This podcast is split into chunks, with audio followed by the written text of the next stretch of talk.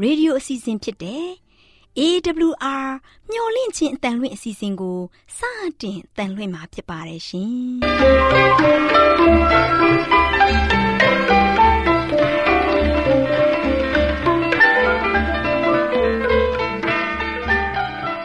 ဒေါက်တာရှင်များခင်ဗျာမျော်လင့်ခြင်းအတန်မြန်မာအစီအစဉ်ကိုနက်နက်6နိုင်မိနစ်30မှ9နာရီအထိ16မီတာ kHz 10653ည ညပိုင်း9နာရီမှ9နာရီမိနစ်30အထိ16မီတာ kHz 19533ညမှ နေ့စဉ်အတန်လွှင့်ပေးနေပါတယ်ခင်ဗျာဒေါက်တာရှင်များရှင်ဒီကနေ့တင်ဆက်ထုတ်လွှင့်ပေးမယ့်အစီအစဉ်တွေကတော့ကျမ်းမာပျော်ရွှင်လူပေါင်းတွင်အစီအစဉ်တရားဒေသနာအစီအစဉ်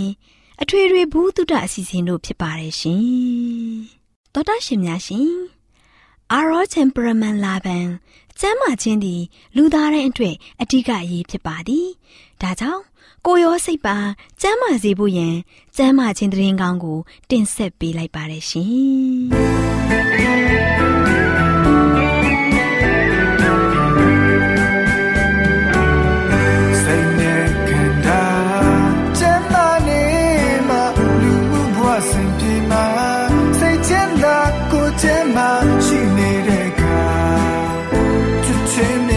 များစွာပေးကဲ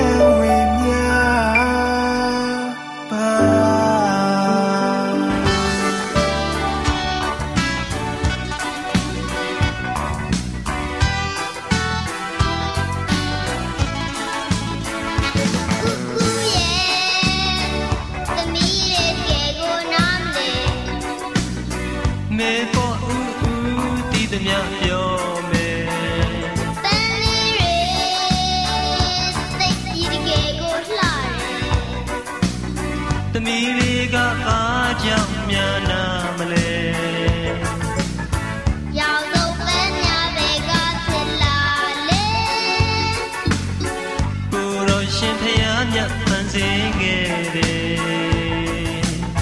ဒါဆိုဖျားမြတ်ဟာမောင်လေးမလေးတို့ရေဘာဝတရားတွေကချစ်စရာကောင်းလာတဲ့တရိတ်စီလေးတွေအကြောင်းမှာငှက်ခါလေးအကြောင်းကိုကလေးတို့ဘူးသူရရရှိစေဖို့မမခိုင်ကပြောပြပေးသားပါမယ်ကွယ်ကလေးတို့ရေအလျား73လက်မလောက်ပဲရှိတဲ့ငှက်ခါလေးရဲ့ခေါင်းရင်အုပ်နဲ့ကြောတို့မှာအပြာဖြော့ရောင်အမွှေးလေးတွေရှိပြီးသူတို့ရဲ့အတောင်နဲ့အမီလေးတွေက အလိုမပြနေတယ်ကွဒါကြောင့်မို့ဒီလာစိမ်းရောင်ငှက်ခါတောင်ဆိုတဲ့စကားအတိုင်းငှက်ခါလေးတွေကစိမ့်မြရောင်ရှိတဲ့ငှက်လေးတွေဖြစ်ကြတယ်ကွမမခိုင်ရက်ခါလေးတွေကိုဒီနိုင်ငံမှာတွေ့ရတယ်လေကျွန်တော်တို့မြန်မာနိုင်ငံမှာလည်းရက်ခါလေးတွေရှိကြလားယင်ငှက်ခါလေးတွေကိုအရှိတိုင်းနိုင်ငံမှာတွေ့ရှိနိုင်တယ်လို့မမခိုင်တို့ရဲ့မြန်မာနိုင်ငံမှာရှိတဲ့ကွင်းမြင်တွေမှာလည်းတွေ့ရှိရတယ်ကွ။တခါတလေတောင်မော်ဒေသတွေမှာလည်းတွေ့ရှိနိုင်သေးတယ်ငှက်ခါလေးတွေကဘာတွေကိုစားတယ်လဲမမခိုင်။ အေးကွယ်ငှက်ခါလေးတွေကပလူပရစ်နှံကောင်ပိုးတုံးလုံးနဲ့ဘောက်ဖက်တွေကိုဖမ်းပြီးစားတတ်ကြတယ်။တခါတလေကျတော့လေဖားကိုဖမ်းလို့ရရင်စားတယ်ကွ။ကဲကလေးတို့ဘာတွေသိချင်ကြသေးလဲ။သိချင်တာရှိရင်မေးကြပါကွယ်။ဒါစေသမီးမိချစ်ပါတယ်မမခိုင်ငှက်ခါလေးတွေဟာသူတို့ရဲ့အသက်ကိုဘယ်မှာစောင့်ကြတယ်လဲဟင်ငှက်ခါလေးတွေကသူတို့ရဲ့အတိုက်ကိုတစ်ပင်ခေါင်းတွေမှာဆောက်လုပ်ကြသလိုတခါတလေကြတော့လေဇရက်လယ်နဲ့ငှက်ကြားစားတဲ့ငှက်တွေရဲ့အတိုက်ဟောင်းတွေကိုလည်းအသုံးပြုကြတယ်။ ငှက်ခါလေးတွေဟာအတိုက်တစ်မျိုးမှာဥတွေကို၄ဥကနေ၅ဥအထိဥတတ်ကြတယ်။သူတို့ရဲ့ဥလေးတွေကဖြူဖွေးပြီးရှင်မြမျိုးလေးတွေဖြစ်တယ်။ငှက်လေးတွေရဲ့သားပေါက်ချိန်ကမတ်လနဲ့မေလအတွင်းဖြစ်တယ်။ငှက်ခါသားပေါက်လေးတွေဟာမိခင်ခဲမကြီးယူဆောင်ရှာဖွေလာခဲ့တဲ့ အစာတွေကိုအဟစ်တောင်းဆိုပြီးအငဲမရစားတတ်ကြတယ်မမခိုင်အဲ့ငှက်ခါတွေကအစာကိုဘယ်လိုချဖို့ကြတာလဲဟင်ဒီလိုကလေးတို့ရဲ့ငှက်ခါလေးတွေဟာအစာကိုစောက်ဖန်လို့ရတဲ့နေရာနဲ့ကျင်းနှင်းကျိုးတွေပေါ်မှာညီသက်စွာနားပြီးအစာကိုစောင့်နေတတ်ကြတယ်သူတို့ရဲ့အစာကိုမြင်တာနဲ့နားနေရာကနေတချိန်တိုးဆင်းပြီးအစာကိုအမိအယဖမ်းလိုက်တယ်ကွအစာကိုရတာနဲ့နားနေခဲ့တဲ့နေရာကိုပြန်လာတယ်ဒါဆိုရင်ငှက်ခါလေးတွေကအစာရှာတိတ်တော်တာဘောနော်မမခိုင် ဟုတ်တယ်ကွငှက်လေးတွေကတစ်မျိုးနဲ့တစ်မျိုးအစာရှာဖွေတာအတိုင်းဆောက်လုပ်တာတွေကမတူကြဘူးကွဲပြားခြားနားကြတယ်ကွဟုတ်တယ်နော်မမခိုင်ထူဆန်းအောင်ဖို့ကောင်းလိုက်တာနော်ဟုတ်တယ်ကလေးတို့ရဲ့ငှက်ခါငှက်လေးရဲ့ထူဆန်းအောင်ဖို့ကောင်းတဲ့သိကောင်းစရာအချက်လေးတွေလည်းရှိသေးတယ်ကွဟုတ်လားမမခိုင်တင်းကြီးတိချင်လိုက်တာပြပြပြပါအောင်ကောင်းပါပြီကွယ်ကလေးတို့သိအောင်မမခိုင်ပြပြမယ်နော် ငှက်ခါငှက်လေးရဲ့အတန်ကဆူးရှသလိုတတစ်ကိုင်းပေါ်မှာသွားတဲ့အခါမှာလဲနောက်ပြီးသူတို့ရဲ့အတောင်ကိုခက်ပြင်းပြင်းလေးရိုက်ပြီးဒီထဲမှာနှိမ့်လိုက်မိလိုက်နဲ့ဂျွန်းထိုးနေသေးတယ်လေငှက်ခါငှက်လေးတွေကလေထဲမှာဂျွန်တိုးတဲ့တယ်ဟုတ်လားမမခိုင်ဒါလည်းငှက်ခါလေးလို့လေထဲမှာဂျွန်တိုးတဲ့ရှင်လိုက်တာအေးကွယ်အဲ့ဒီလိုပြုလုပ်တတ်တာကငှက်ခါလေးကိုတဘာဝကပေးတဲ့ဆူလက်ဆောင်လေးတစ်ခုပေါ့ကွယ်ငှက်လေးတွေမှာတောင်အတက်ပညာလေးတွေရှိတယ်ဆိုရင်ကလေးတို့လိုအသိဉာဏ်စုံလေးနဲ့လူသားတွေမှာကပို့ပြီးတော့ အရေးချင်းစွမ်းစာလေးတွေရှိကြပါတယ်ကွယ်ဒါဆိုတာသွေးရင်ထက်တယ်လို့ကလေးတို့မှာရှိတဲ့အရေးချင်းလေးတွေကိုတန်မိုးရှိရှိအသုံးပြုတတ်မယ်ဆိုရင်အလုံးမအဖိုးထိုက်တန်လှပါတယ်ကလေးတို့အနေနဲ့မမခိုင်ပြပြခဲ့တာတွေကိုမှတ်သားထားကြပါကွယ်ဟုတ်ကဲ့ပါမမခိုင်ဒါလို့သမီးတို့မှတ်သားထားကြပါမယ်ကျေးဇူးတင်ပါတယ်ကွယ်ကလေးတို့အနေနဲ့ကိုယ်မှရှိတဲ့ဉာဏ်ပညာခွန်အားတွေကိုတန်မိုးရှိရှိအသုံးပြုနိုင်ကြပါစေလို့မမခိုင်ကလည်းဆုမူကောင်းတောင်းပေးလိုက်ပါတယ်ကွယ်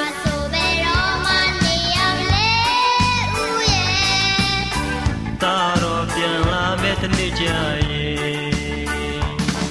တော်တော်ရှင်များရှင်မြမဆွေစုံကျန်းအတွဲသုံးမှာငှက်ခါငှက်အကြောင်းကိုကျမတို့မျိုးလင့်ချင်းတန်မှကောက်နှုတ်တင်ပြပေးခဲ့ခြင်းပဲဖြစ်ပါတယ်ရှင်ကျေးဇူးတင်ပါတယ်ရှင်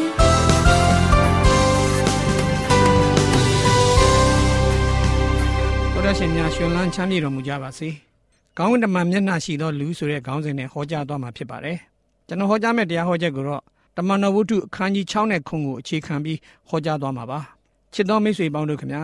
ကိုတာဝန်ကိုသိတဲ့လူတစ္ဆာရှိတဲ့လူအ ਨੇ ဆုံးတစ်ယောက်လောက်တော့အသင်းတိုင်းမှာရှိပါလိမ့်မယ်။အဲ့ဒီလိုလူမျိုးအတွက်အလွန်အန္တရာယ်ကြီးပါတယ်။အဲ့ဒီလိုလူမျိုးတစ်ယောက်အကြောင်းကိုကျွန်တော်ဒီနေ့ဟောကြားသွားမှာဖြစ်ပါတယ်။သူကတော့ဓမ္မကတိကလည်းမဟုတ်ပါဘူး။တမန်တော်ဆန္ဒပါးထဲမှာပါဝင်တဲ့ပုဂ္ဂိုလ်လည်းမဟုတ်ပါဘူး။ဒါပေမဲ့သူ့ရဲ့အသင်းတော်မှာတာမန်အသင်းတော်တစ်ယောက်ဖြစ်ပါတယ်။အဲ့ဒီလူဟာသူတော်ကောင်းတစ်ယောက်ပါ။ ဒါပေမဲ့သူကပြဿနာကို ဖြစ်စေခဲ့တဲ့ပုဂ္ဂိုလ်ဖြစ်ပါတယ်။ဒီအဖြစ်အပျက်ကိုကြည့်ရင်ပြဿနာကိုဖန်တီးသူတိုင်းလူဆိုးတော့မဟုတ်ကြပါဘူး။တခါတလေစိတ်ထားမြင့်မြတ်လွန်းလို့ပြဿနာပေါ်တတ်တာလည်းရှိပါတယ်။သူကတာမန်အသင်းတော်တူပါ။သူ့ကိုအသင်းတော်ခန့်ခဲ့ရတဲ့အကြောင်းရင်းကတမန်တော်များတရားဟောခြင်းပိုရနိုင်မှုဖြစ်ပါတယ်။တက်တက်ကြွကြွနဲ့သူ့ရဲ့တာဝန်ကိုအမြဲတမ်းကြေပြွန်အောင်ဆောင်ရွက်တတ်တဲ့အတွက်သူစကားကိုလူတိုင်းကလည်းနားထောင်ကြတာတွေ့ရပါတယ်။ ဘယ်လိုပြဿနာဖြစ်စေခဲ့ပါသလဲ။ခရိယန်တွေကိုအမြဲတမ်းဆန့်ကျင်နေတဲ့လူတွေကိုပွင့်ပွင့်လင်းလင်းတရားဟောခဲ့လို့ဖြစ်ပါတယ်။တမန်တော်ဝုဒ္ဓခန်းကြီး6အခန်းငယ်30ကိုကျွန်တော်ဖတ်ပြပါရစေ။သူဟောပြော၍သုံးဆွဲသောပညာနှင့်ဝိညာဉ်တော်ကိုမခံနိုင်ကြဟုဖော်ပြထားတာကိုကျွန်တော်တွေ့ရပါတယ်။ချစ်တော်မိတ်ဆွေပေါင်းတို့ခင်ဗျာသူဟောခဲ့တာဟာအမှန်ကိုအမှန်တိုင်းတိတိကျကျဟောပြောခဲ့တာပါ။သူဟောပြောတဲ့တရားကသူဆွေးနွေးနေတဲ့စကားတွေက ဒီတရားတွေကိုမကြိုက်တဲ့ဆန့်ကျင်တဲ့လူတစုကသူ့ကိုအဆုံးစီရင်ခဲ့ကြတာဖြစ်ပါတယ်။သူ့ကိုအဆုံးစီရင်တဲ့အခါမှာယေရှုရှင်ကိုမဟုတ်မတရားဆွဆွဲပြီးအဆုံးစီရင်ခဲ့ကြသလိုအခုသူ့ကိုလည်းမတရားတတ်သိများကိုငှားပြီးမဟုတ်မတရားဆွဆွဲချက်နဲ့ယေရုရှလင်မြို့လွှတ်တော်ကိုခေါ်သွားပြီးတရားရုံးတော်မှာတရားရင်ဆိုင်ခဲ့ကြပါတယ်။တမန်တော်ဝုဒ္ဓခန်းကြီး6အခန်းငယ်14ကိုကျွန်တော်ဖတ်ပြပါမယ်။ထိုနာဇရက်မြို့သားယေရှုသည်ဤဌာနတော်ကိုဖျက်ဆီး၍ငါတို့အား မောရှိပေးထားသော ထုံဤဥပရိသတို့ကိုပြောင်းလဲစေမည်ဟုဤသူဆိုသည်ဟုအကျွန်ုပ်တို့သည်ကြားရပါပြီဟုတက်တည်ခံကြ၏။လွှတ်တော်မှာမတရားဆွဆွဲခြင်းကိုခံရတဲ့သူကတော့အသင်းတော်ကြီးတတိဖန်မှာတမန်တော်ဝုဒ္ဓခန်းကြီး6အခန်းငယ်15ရဲ့မှတ်တမ်းကိုဖတ်ကြည့်ရအောင်လွှတ်တော်၌ထိုင်လျက်ရှိသောသူအပေါင်းတို့သည်တတိဖန်ကိုစေးစေးကြည့်ရှုလင်သူ၏မျက်နာသည်ကောင်းကင်တမန်၏မျက်နာကဲ့သို့ဖြစ်သည်ဟုထင်မှတ်ကြ၏သူရဲ့မျက်နာကောင်းကင်တမန်ရဲ့မျက်နာ ကဲ့သို့ဖြစ်တယ်လို့ကျွန်တော်တို့ဖော်ပြထားတာကိုတွေ့ရပါတယ်သူ့ကိုမုန်းတီးတဲ့ရန်သူတွေကသူ့ကိုတေတံပေးဖို့ယုံတော်မှာတရားဆွဲဆိုနေကြပါပြီအဲ့ဒီအချိန်မှာကောင်းကင်တမန်မျက်နာနဲ့တင်းတောက်တတိဖန်ကသူ့အသက်တာအတွက်နောက်ဆုံးတရားဟောချက်ကိုဟောကြားခဲ့ပါတယ်။သူ့ရဲ့တရားတကယ်ကိုကောင်းတဲ့တရားဟောချက်ပါ။ဒါပေမဲ့မတရားဆွဆွဲချက်များနဲ့ကြီးလေးတဲ့ပြစ်မှုဖြစ်ကြောင်းဆွဆွဲကြတဲ့အခါမှာယေဘရဟိတ်များကယေဘရဟိတ်များကလည်းထုံးစံတိုင်းပေါ့ဗျာ။ဒီစကားမှန်ပါသလားလို့ မေးနေကြမေးကုန်ကိုမေးနေကြမေးကုန်ကိုမေးလိုက်တဲ့အခါမှာယုံတော်ကြီးတယုံလုံးငြိမ်သက်သွားခဲ့ပါတယ်။ချစ်တော်မိတ်ဆွေပေါင်းတို့ခင်ဗျာ။ယုံတော်ကြီးတစ်ခုလုံးငြိမ်သက်သွားတဲ့အခါမှာတရိဖန်ရဲ့တရားဟောတာကိုကြည်ကြည်လင်လင်ပြတ်ပြတ်သားသားနဲ့ကြားနာကြရပါတယ်။အာဗြဟံကိုခေါ်တော်မူသောအချိန်ကအစပြုပြီးဘုရားရှင်ခေါ်တော်မူခြင်းခံရတဲ့လူမျိုးရဲ့တမိုင်းကိုပညာသားပါပါနဲ့အာဗြဟံမှစယောသယောသကနေမောရှေမောရှေမှဒါဝိဒ်ရှောလမုန်မင်းကြီး အစရှိတဲ့တမိုင်းကြောင်းကိုပြန်ပြောင်းပြောပြပြီးမှသခင်ယေရှုခရစ်အကြောင်းကိုကြိုတင်ဟောကြားထားတဲ့အနာဂတ်စကားများကိုကိုးကားပြီးအဲ့ဒီနောက်သခင်ယေရှုခရစ်ကိုမတရားဆွဆွဲတဲ့နေရာဖြစ်တဲ့ထင်ပေါ်ကျော်ကြားတဲ့ဗိမာန်တော်ကိုတိဆောက်ခဲ့တဲ့ရှောလမုန်မင်းကြီးနဲ့ဧဝံဂေလိပရောဖက်ဟေရှာယတို့ဟောပြောခဲ့တဲ့တရားစကားများကိုတင်ဆက်ဟောကြားခဲ့ပါတယ်။ဓမ္မဟောင်းရာဇဝင်ကိုအကျယ်တဝင့်တင်ဆက်ဟောကြားနေချိန်မှာ ဝေနယတော်အပေါင်းတို့ကိုချစ်မြတ်နိုးတော်မူတဲ့အရှင်ကိုတတေဖန်မြင်ရပါတယ်။ဖျားရှင်ဖို့နေမြေကန့်တတ်ခြင်းလူမျိုးခွဲခြားခြင်းမရှိကြောင်းကိုတတေဖန်ကတရားဟောခဲ့ပုံကိုတမန်တော်ဝုဒ္ဓအခန်းကြီး9 48နဲ့50မှာကျွန်တော်တို့ဖတ်ကြည့်ကြပါစို့။ကောင်းငင်ပုံသည်ငါပလင်ဖြစ်၏မြေကြီးသည်ငါခြေတင်ရာခုံဖြစ်အဘယ်သို့သောဗိမာန်ကိုငါအဖို့တိဆောက်ကြမည်နီငါလက်သည်ဤအရာအလုံးစုံတို့ကိုဖန်ဆင်းသည်မဟုတ်လော အဲ့ဒီလိုတတိပံဟောပြောရင်းသူပြိဿတ်ကိုကြည့်လိုက်ပါတယ်အဲ့ဒီချိန်မှာပြိဿတ်ကြီးအားလုံးအမျက်ထွက်လာတာကိုသူတွေ့မြင်တဲ့အခါမှာသူတရားစကားကိုရလိုက်ပါတယ်ဒါပေမဲ့ပြိဿတ်ကြီးကိုလက်ညှိုးထိုးပြီးရဲရင်စွာဟောပြောလိုက်ပုံကတမန်တော်ဝုဒ္ဓအခန်းကြီး9 51 54နဲ့56ကိုကျွန်တော်တို့ဖတ်ကြည့်ကြပါအောင်စို့လေပင်ခိုင်မာ၍နှလုံးဖြင့်၎င်းနားဖြင့်၎င်းအည်ပြားလေးခြင်းကိုမခံသောသင်တို့သည်တန်ရှင်းသောဝိညာဉ်တော်ကို အစင်မပြတ်ဆန့်ကျင်မဲ့ပြုလေရှိကြ၏ထိုစကားကိုကြားလင်နှလုံးကွဲပြတ်မတတ်ဖြစ်၍တတိဖန်၌အံသွားခဲကြိတ်ခြင်းကိုပြုကြ၏သူသည်လည်းတန်ရှင်းသောဝိညာဉ်တော်နှင့်ပြည့်သဖြင့်ကောင်းကင်သို့စေးစေးကြည်မြော်၍ဖျားသခင်၏ဘုန်းတော်ကို၎င်းဖျားသခင်၏လက်ရာတော်ဘက်၌ယေရှုရှင်ရပ်နေသည်ကို၎င်းငါမြည်ကြည်ပါကောင်းကင်ပွင့်လှစ်သည်ကို၎င်းလူသားသည်ဖျားသခင်လက်ရာတော်ဘက်၌ရပ်နေသည်ကို၎င်းငါမြင်၏လို့ကြွေးကြော်လိုက်တာတွေ့ရပါတယ် တခါဆက်ပြီးတမန်တော်ဝုဒ္ဓခန်းကြီး9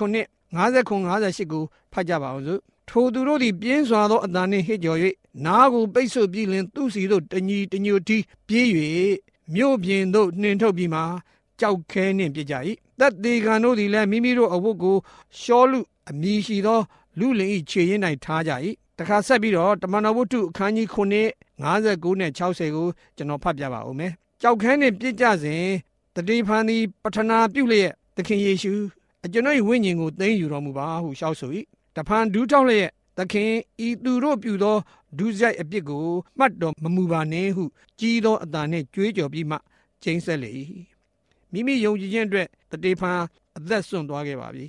တတိဖန်အသေးခံပုံကိုစောင့်ကြည့်နေတဲ့ရှင်ပေါလုခေါ်ရှောလူဟာနောက်ပိုင်းမှာတော့အကျွတ်တရားရရှိပြီးတကူးတက်တဲ့တမန်တော်ကြီးအဖြစ်ပြောင်းလဲသွားခဲ့ပါတယ်တတိဖန်ကိုတတ်ပစ်လိုက်လို့ ယေရှုရှင်ရဲ့အေဝံဂေလိတရားတော်ရပ်တန့်မသွားဘူးရပ်တန့်ရပ်တန့်သွားမယ်လို့ထင်ကြပါသလားရပ်တန့်မသွားခဲ့ပါဘူးယေရုရှလင်မြို့မှာသာမကကဘာအရရကိုပါပြန့်ပွားသွားတာတွေ့ကြပါတယ်ကောင်းကင်တမန်မျက်နာရှိတဲ့တတိဖန်ရန်သူတွေကိုလွတ်တော်ခမ်းမကြီးထဲမှာရင်ဆိုင်လိုက်တဲ့ပုံစံကိုအမျိုးသားရေးစိတ်ဓာတ်ပြင်းထန်တဲ့ရှောလူခေါ်ပေါလုအဲ့ဒီအချိန်ကသူ့နာမည်ကိုရှောလူလို့ခေါ်ပါတယ်ဒီအဖြစ်အပျက်ကိုသူ့ရဲ့တသက်ဘယ်တော့မှမမေ့နိုင်တော့ပါဘူး သူပြောင်းလဲလာခဲ့ပြီးတဲ့နောက်ပိုင်းသာသနာပြုခီးထွက်ရင်ဒီဖြစ်ပျက်ကို ရှင်လူကာကို ရှင်းပြခဲ့ပါလိမ့်မယ်။တတိဖန်ကိုဂဲနဲ့ပေါက်တဲ့ချိန်ကတတိဖန်ရဲ့ယေရှုရှင်ထံဆူတောင်းပထနာတောင်းခဲ့ပုံကိုလည်းရှင်ပေါလုရဲ့အသက်တာမှာမေ့ပြလို့ရနိုင်တော့မှာမဟုတ်ပါဘူး။တမန်တော်ဝုဒ္ဓခန်းကြီး9အခန်းငယ်56မှာကြည်ပါကောင်းငင်ဖွင့်လှစ်သည်ကို၎င်းလူသားသည်ဘုရားသခင်၏လက်ရတော်ဘက်၌ရနေသည်ကို၎င်းငါမြင်၏ချစ်တော်မိတ်ဆွေပေါင်းတို့ခမညာတတိဖန်ရဲ့မျက်နာမှာကောင်းကင်တမန် ကဲ့သို့ထွန်းလင်းနေတဲ့အချိန်မှာစီရင်ချက်ချလိုက်ကြတဲ့လူကြီးများအပေါ်မှာဘယ်ကဲ့သို့ထာဝရအကျိုးတက်ရောက်သွားမလဲလို့စဉ်းစားကြည့်ကြပါတတိဖန်ရဲ့မျက်နာပေါ်မှာကောင်းကင်တမန်မျက်နာလိုအလင်းတောက်ပနေတာကတော့သူ့ရဲ့နှလုံးသားထဲမှာတရားတော်အလင်းရောင်ရှိနေလို့ပါတတိဖန်ဟာတာမြညအသင်းတော်တယောက်ပါဒါပေမဲ့အရေးကြုံတဲ့အခါမှာယေရုရှလင်မဟာမြို့တော်ကြီးမှာရွေးချယ်ခံလူမျိုးအဖို့ဖျားရှင်ရဲ့တက်သေးခေတ်ဆက်ဆက်အတွက် ဖျားရှင်ရဲ့တက်သေးကကဘာတဝန်းလုံးအတွက်ဖျားရှင်ရဲ့တက်သေးကဖြစ်ခဲ့ပါပြီယေရှုရှင်အတွက်ပထမဦးစွာအသက်ခံသူဖြစ်တဲ့အတွက်သူ့ရဲ့အသက်တာတကယ်ကိုစက္ကတ်တဲ့အသက်တာဖြစ်တယ်ဆိုတာကျွန်တော်တို့တွေးကြပါတယ်ဗျာဒိတ်ကျမ်းခန်းကြီး7အငယ်7မှာပြောထားတဲ့အတိုင်းအသေးခံသည့်တိုင်အောင်အသက်ကိုမနှမျောတဲ့ယုံကြည်သူခရိယန်ပုံစံနမူနာကိုတတိဖန်ပြသွားခဲ့ပါပြီကျွန်တော်တို့တတိဖန်အကြောင်းနဲ့ပတ်သက်လို့ မှတ်သားဖို့ရကောင်းတဲ့အချက်ကတော့9ချက်ရှိပါတယ်။နံပါတ်1တတိဖန်ဟာအသေးရှိသောလူလို့ကျွန်တော်တို့တွေးရှိရပါတယ်။တမန်တော်ခန်းကြီး6အခန်းငယ်3မှာဖတ်ကြည့်ရင်တွေးကြရပါတယ်။တုတ်တန်ကြံခန်းကြီး20နဲ့အငယ်1ကိုဖတ်ပြပါစေ။ကောင်းသောအသေးကိုများစွာသောဥစ္စာထက်သာ၍ရွေးစရာကောင်း၏။သူသူတစ်ပါးစုံမဲ့ချင်းကျေးဇူးသည်ရွှေငွေအတွက်သာ၍ကောင်း၏လို့ဆိုထားပါတယ်။ဒါကြောင့်တတိဖန်ဟာတန်ဖိုးမဖြတ်နိုင်တဲ့သူလို့ ဆိုရပါလိမ့်မယ်ခင်ဗျာ။နံပါတ်1တတိဖန်ဟာဝိညာဉ်တော်နဲ့ပြည့်စုံသူဖြစ်တယ်လို့တမန်တော်အခန်းကြီး6အငယ်3မှာဆိုထားပြန်ပါတယ်အသစ်ပြုပြင်သူဒုတိယမွေးခြင်းကိုခံပြီးသူပြောင်းလဲပြီးသူဘုရားသခင်အလိုတော်နဲ့အညီနှုတ်ကပတ်တော်ကိုလိုက်နာကျင့်ဆောင်သူလို့ဆိုရပါလိမ့်မယ်ဒါကြောင့်သူနောက်ဆုံးအသက်ဆုံးကနေမှာကောင်းငင်ဖွင့်လှစ်ပြီးဘုရားသခင်ရဲ့နိုင်ငံတော်ကိုယူပါယုံအားဖြင့်မြင်ရတဲ့အကြောင်း တမန်တော်ခုနှစ်အငယ်55မှာကျွန်တော်ဖတ်ပြပါရစေသူဒီလဲတန်ရှင်သောဝိညာဉ်တော်နှင့်ပြည့်ဝသဖြင့်ကောင်းကင်သို့စေ့စေ့မျှော်၍စေ့စေ့ကြည်မျှော်၍ဘုရားသခင်ဘုန်းတော်ကို၎င်းဘုရားသခင်လက်ရာတော်ဘက်၌ယေရှုရှင်ရပ်နေတော်မူသူကို၎င်း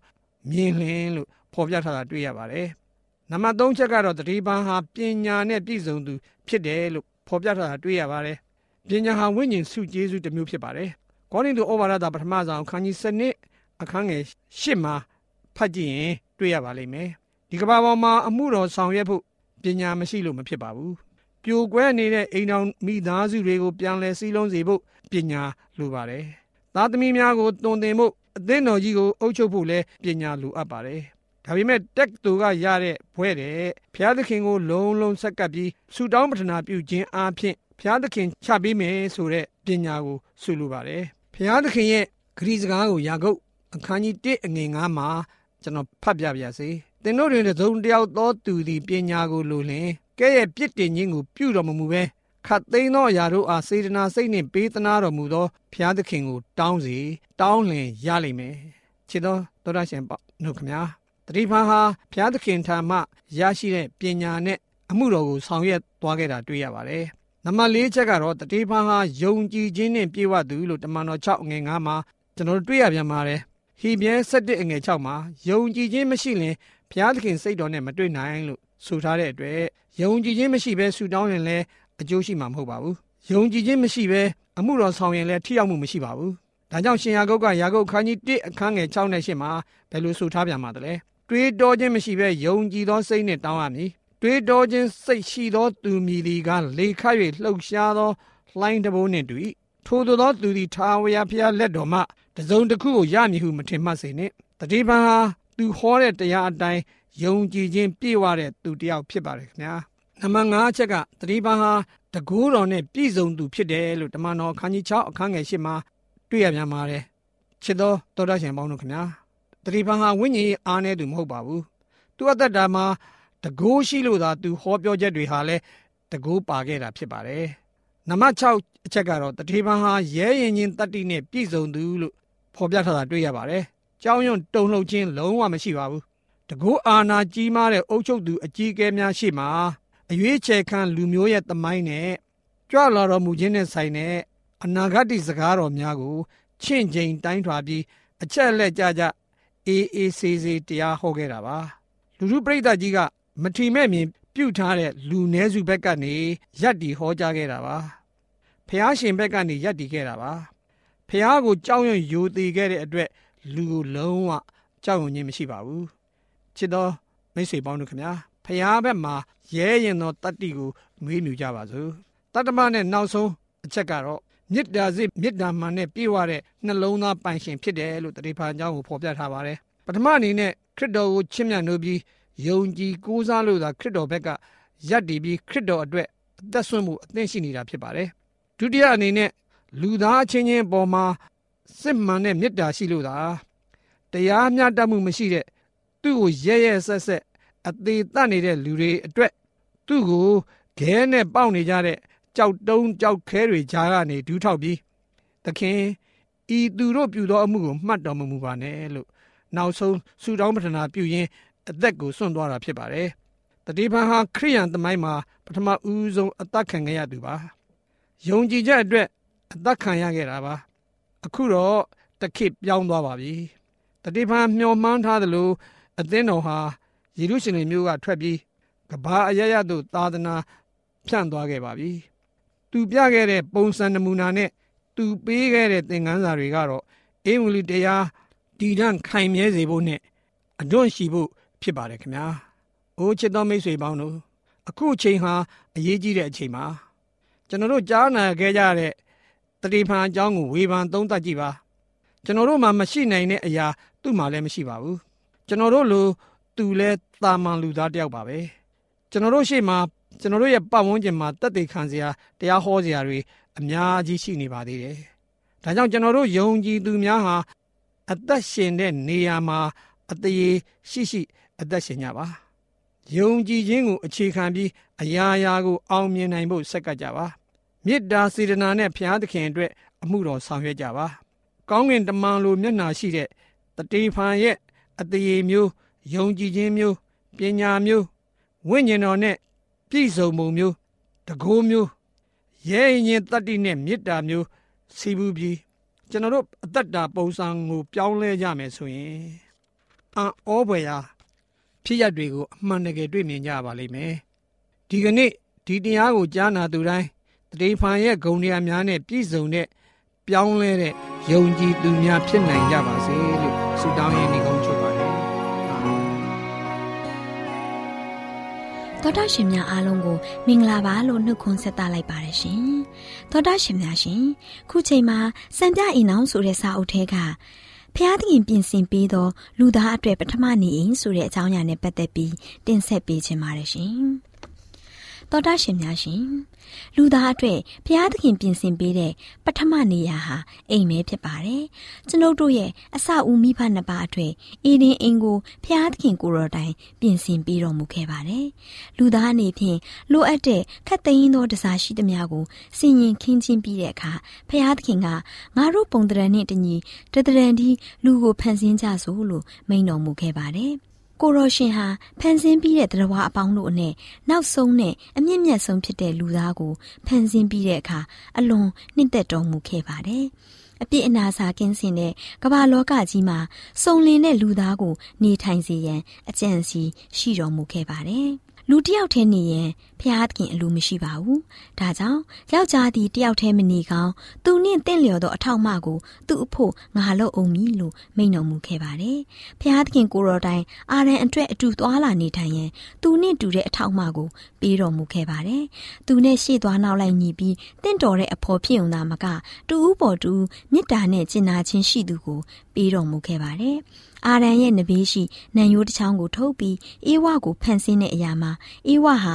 အိမ်နောင်ကိုဦးစီးပြီးအာရန်အားအုပ်ချုပ်ရန်မဟုတ်လို့အထိပ္ပယ်တက်ရောက်ယုံတာမကအာရန်အနေနဲ့လည်းမိမိထက်နှိမ်ကြသူမဟုတ်ဂုံရည်တူတယ်လို့သဘောထားပြီးမေတ္တာနဲ့ကာဝယ်စောင့်ရှောက်ရန်ဖြစ်ပါတယ်။ အယိုးတဲကအယိုးအသားတဲကအသားလူတဲကလူကို ထုတ်တော်ကြောင်းအေးဝါနဲ့အာရန်တို့သည်တသားတကူတည်းဖြစ်ကြ၏လို့မိန့်တော်မူခဲ့ပါတယ်။ဒါကြောင့်သူတို့နှစ်ဦးဟာတဦးကိုတူခင်တွယ်ပြီးချစ်ခင်မြတ်နိုးတဲ့အိမ်တောင်ဘက်ဖြစ်တင်ပါတယ်။ဟို့အသားကိုမုန်းတဲ့သူတယောက်မှမရှိခတ်သိမ်းသောသူတို့သည်မိမိတို့အသားကိုကျွေးမွေးပြုစုတတ်၏။ထို့အကြောင်းကြောင့်ယောက်ျားသည်ကိုမိဘကိုစွန့်ပြီးကိုခင်မွန်းနိုင်မိဝဲသဖြင့်သူတို့သည်တသားတကူတည်းဖြစ်ကြ၏လို့မိန်တော်မူခဲ့ပါတယ်။ တော်တာရှင်များရှင်ပထမဦးဆုံးထိမ်းများမင်္ဂလာကိုဖရာသခင်ကိုယ်တိုင်ကျင်းပပေးခဲ့ပါတယ်။ကဘာဦးကဦးဦးဆုံးသောထိမ်းများမင်္ဂလာပွဲကိုဖရာသခင်ကိုယ်တိုင်စီရင်ကျင်းပခဲ့တယ်။ဒါကြောင့်ဒီအထုံးဖွဲ့ဟာစัจ java လာကိုဖန်ဆင်းတော်မူတဲ့ဖရာသခင်ကိုယ်တော်တိုင်အစာပြုခဲ့ပါတယ်။ထိမ်းများမင်္ဂလာဟာဂုံတိတ်ခါနဲ့ပြည့်စုံပြီးလူသားအားဖရာသခင်ပထမဦးဆုံးပေးတဲ့လက်ဆောင်နဲ့တခုအပါဝင်ဖြစ်ပါတယ်ရှင်။အာရန်ဟာအပြစ်ပြုပြီးနောက်အေရင်ဥယျာဉ်မှထွက်ခွာရတဲ့အခါသူနဲ့အတူပါလာတဲ့ထုံးစံနှစ်ခုနဲ့တစ်ခုဖြစ်ပါတယ်။ဖျားသခင်ချက်မှတ်တဲ့ကျင့်ဝတ်ကျင့်စွန်များအလိုက်လိုက်နာကျင့်သုံးမယ်ဆိုရင်အိမ်အောင်ပြုခြင်းဟာမင်္ဂလာဖြစ်ပါတယ်။မျိုးရိုးကို တန့်ရှင်းစင်ကြယ်အောင်စောင့်ထင်ရရောက်ပါတယ်။ပေါင်းတင်ဆက်ဆံရေးနဲ့ဆိုင်တဲ့လိုအပ်ချက်တွေကိုလည်းအထောက်အကူဖြစ်ပါတယ်။ကာယညာနာနဲ့အကျင့်စာရိတ္တကိုလည်းမြင့်တင်ပေးပါတယ်။ဤဝကိုအာရန်အားပေးတော်မူသောကိုရောရှင်ဟာမင်္ဂလာဆောင်ပွဲတစ်ခု၌ပထမဦးဆုံးနမိတ်လက္ခဏာပြတော်မူခဲ့ပါတယ်။မိတ်ဆွေပေါင်းတင်တွေနဲ့ဆွေမျိုးပေါင်းဖော်များကိုမင်္ဂလာဧခံပွဲခမ်းမမှာတပြိုတစ်ပါးစားတောက်နေချိန်မှာခရစ်တော်ဟာပရိသတ်အများအတွက်အမှုတော်စတင်ဆောင်ရွက်တော်မူခဲ့တယ်။ဤနည်းအားဖြင့်ထိမ်းများမင်္ဂလာကိုအတီးပြုတော်မူပြီးကိုရောရှင်ကိုယ်တိုင်တီထောင်ထားတော်မူတဲ့အထုံးဖွဲ့ဖြစ်ကြောင်းအတိအမှန်ပြုတော်မူခဲ့ပါတယ်ရှင်။တောတာရှင်များရှင်ကိုရောနဲ့ရွေးနှုတ်ချင်းခံရတဲ့သူတွေရဲ့ပေါင်းစည်းခြင်းအထိမ်းအမှတ်ဖော်ပြရင်ထိမ်းများမင်္ဂလာဆိုင်ရာဆက်သွယ်မှုကိုဂုဏ်ပြုတော်မူပါတယ်။ကိုရောရှင်ဟာသူတို့သားဖြစ်ပြီးအသင်းတော်ဟာသူတို့သမီးဖြစ်ပါတယ်။တင်းသူအသင်းသားတို့ဟာအရွေးချယ်ခံထားရတဲ့ပုဂ္ဂိုလ်များဖြစ်ပါတယ်ရှင်။ နားဆင်ခဲ့ကြတဲ့တောတာရှင်များအားလုံးပေါ်ဖဖျားရှင်ကောင်းကြီးချပေးပါစီရှင်။